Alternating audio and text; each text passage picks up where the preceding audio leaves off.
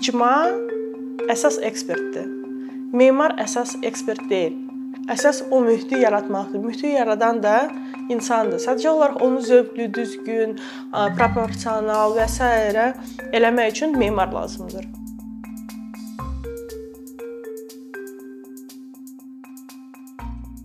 Bizim o qədər ə, ictimai zonalarımız var və məndə bir sual yaranır. Bəlkə də sizdə yaranmışdı nə vaxtsa.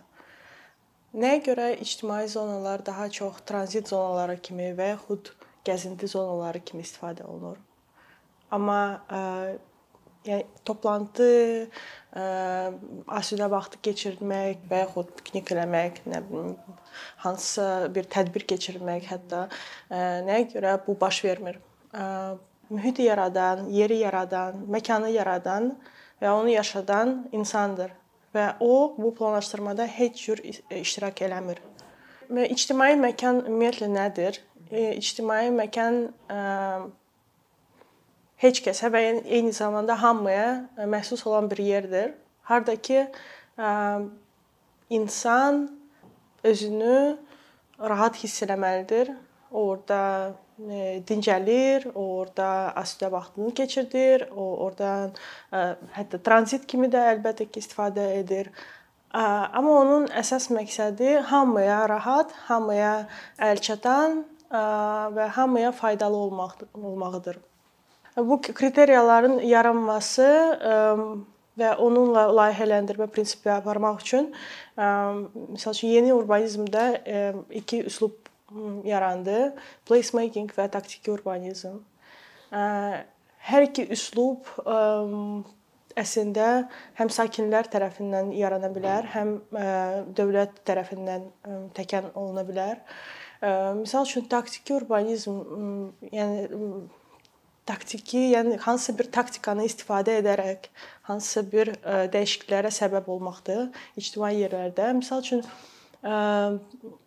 dövlət tərəfindən o irəli sürüləndə hansısa bir böyük küçənin və yaxud böyük meydanın həllini tapmaq üçün müvəqqəti dəyişikliklər yaranır və onun əvvəlcədən sadəcə olaraq memarlar tərəfindən planlaşdırılanda cürbəcür problemlər oradan çıxa bilər və yaxud səhv qərarlar ola bilər və bu normaldır. Amma o xərcləri, o vaxtı e, boş-boşuna sərf eləməmək üçün həmin o taktiki urbanizm üslubu ortalığa çıxır və o imkan verir ki, tez bir zamanda çox ucuz materiallarla sadəcə olaraq yolu bəzi kənarlarında məsəl üçün hansısa bir müvəqqəti ya plastik, ya ə, e, dibçəklər ə, e, və yaxud beton fərq etməz. Hansısa sərhədləri müəyyənləşdiriləndə ki, bu yer məsəl üçün maşınlar üçün bağlıdır və yaxud piyadalar üçün bağlıdır, fərq etməz.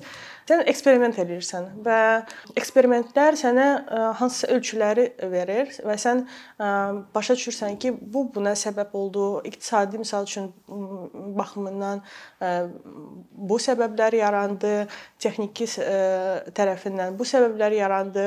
Onlar e, pozitiv və yaxud neqativ e, nəticə verməklə sən artıq qərarlaşdırırsan ki, nəyi dəyişdirəsən və necə dəyişdirəsən və ondan sonra artıq onun böyük büdcəsi gəlir və əsaslı layihələndirmə və s. O məsəl üçün dövlət tərəfindən irəli sürüləndə böyük miqyasda olan bir həllərdir.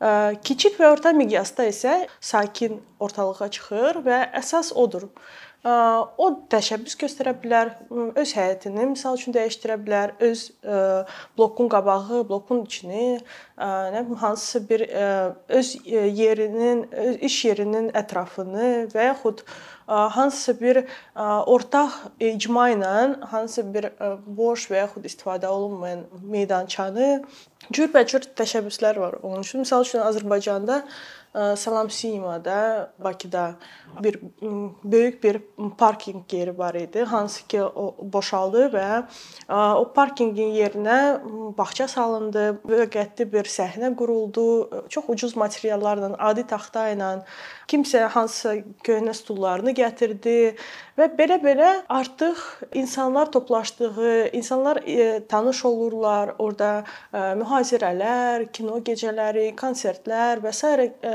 kimi tədbirlər görə bilirlər və görürlər.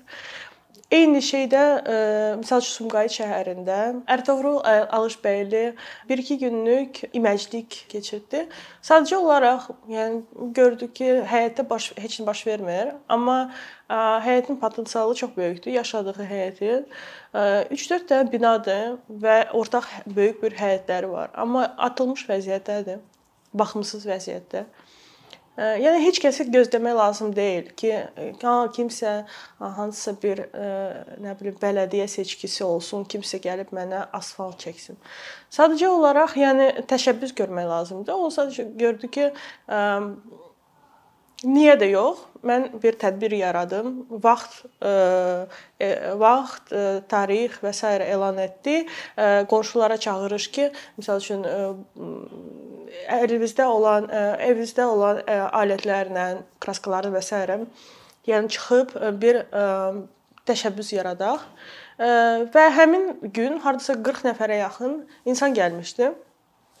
Onlar məsəl üçün oturacaqları bərpa elədilər, futbol meydançası var idi, onu yenilədilər boya ilə. Torpağı şumladılar, ağaclar əkdilər və s. Və on sonrası gün gördü ki, bu uğurludur. Yenidən tədbir elan etdi və artıq uşaqlar günü idi və uşaqları toplayaraq orada adi kraskaların asfaltda oyunlar fikirləşib çəkdilər. Yəni sadə bir şeylərdir. Hal-hazırda o ağaclara baxırlar, sulayırlar, hətta ondan sonra atışıb bir böyük şlanq şlanq alıblar. Yəni belə bir təşəbbüslər var.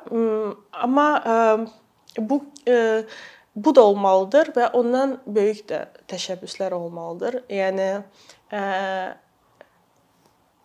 sakin, memar və ə, dövlət. Bu üç ə, zəncir ə, bir ortaq zənciri yaradır və ə, məsəl üçün ə, insan dedim nə edə bilər? Ə, bir sakin, Memar öz tərəfindən placemaking üslubu yaradıb. Məsəl üçün 60-cı illərdə Amerikada e, avtomobillərin kəskin artırılması nəticəsində e, şəhər kollapsı baş vermişdi. E, və bu şəhər kollapsını bir cür həll etmək yolu kimi böyük bir körpüləri çəkmək istəyirdilər, magistral yollarını Manhattanı iki yerə bölüb orada magistral körpüsünü çəkmək istəyirdilər və s. Onun memarı Robert Moses bu ideyanı təsdiqlətdirdi. Lakin jurnalist və aktivist Jane Jacobs bunun qarşısını kəsdi və placemaking üslubunu elə bil ki, ortalığa çıxartdı. O dedi ki, insanlar şəhərdə əsasdır və insan yönümlü şəhəri yaratmaq lazımdır və sakinləri nəzərdə nəzərə alıb ən birinci, ən öndə saxlamaq lazımdır.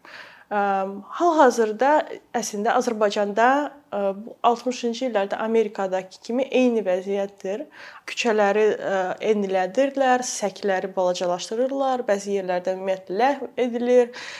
Yəni insan piyadalaşma ümumiyyətlə sıfıra dönür və s.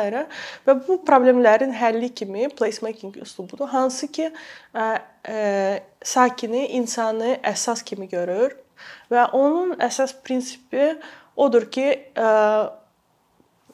icma əsas ekspertdir. Memar əsas ekspert deyil. Memar sadəcə olaraq o icmanın sakinlərin ehtiyaclarını bilməkdir, toplamaqdır və düzgün artıq professional şəkilə gətirməkdir. Yəni dizayn burada əsas deyil. Əsas o mühiti yaratmaqdır. Mühiti yaradan da insandır. Sadəcə olaraq onu zövqlü, düzgün, proporsional və s. eləmək üçün memar lazımdır. Və yaxud o şəhər dizayneri, ya urban dizayner. Bu bir prosesdir. Bu bir yeri dizayn eləmək üçün dizaynı bitirmək olmur. Sən sadəcə olaraq onun prosesini yaşayırsan. Placemaking üslubu hal-hazırda Azərbaycanda heç cür tətbiq olunmur və inanıram ki, bu yeganə bir çıxış yoludur və bu mütləq, yəni biz buna gəlib çıxacağıq. Əkinçinin yeni videoları haqqında məlumatlı olmaq üçün kanalımıza abunə olmağı və xəbərdarlıq funksiyasını aktivləşdirməyi unutmayın. İmkandan istifadə edərək cari patronlarımıza işlərimizi davam etməyə yardım olduqları üçün dərin təşəkkürümüzü bildiririk. Əkinçinin Patreon icmasının üzvü olaraq siz bizim təşəbbüsə dəstək göstərməklə bərabər hazırladığımız materialları hər kəsdən öncə izləmə imkanı əldə edəcəksiniz.